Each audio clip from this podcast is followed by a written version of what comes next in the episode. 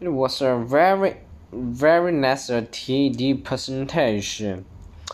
There are impressive glory that people you can't have to surface disappear to fade. Sooner or later, I think we will wonder it is very there is. According to research, what predicates this disappear is not a lack of happiness, it's a lack of something else, a lack of having meaning in life. But it was raised some question for me. Is there more life than being happy? and what's the difference between the being happy and having meaning in life?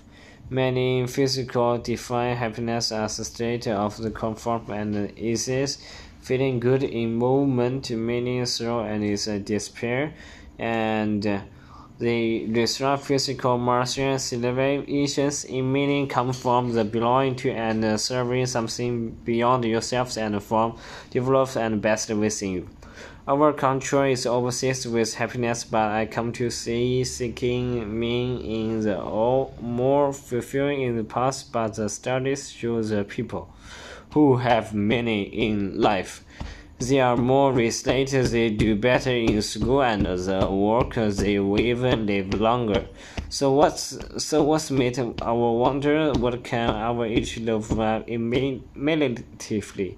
Uh, to find out, I spent five years interviewing hundred people and reading through thousands of pages of uh, physically, uh, naturally, and physically.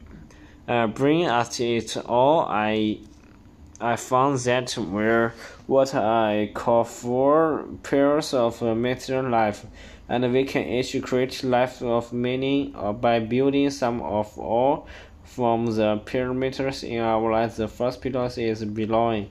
Belonging comes from the beginning of explosion where you feel valued or when you are increased and something.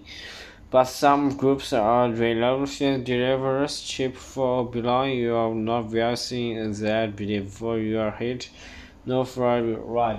I don't want to read the story now. I I need to sleep. I just need to change my goal tomorrow.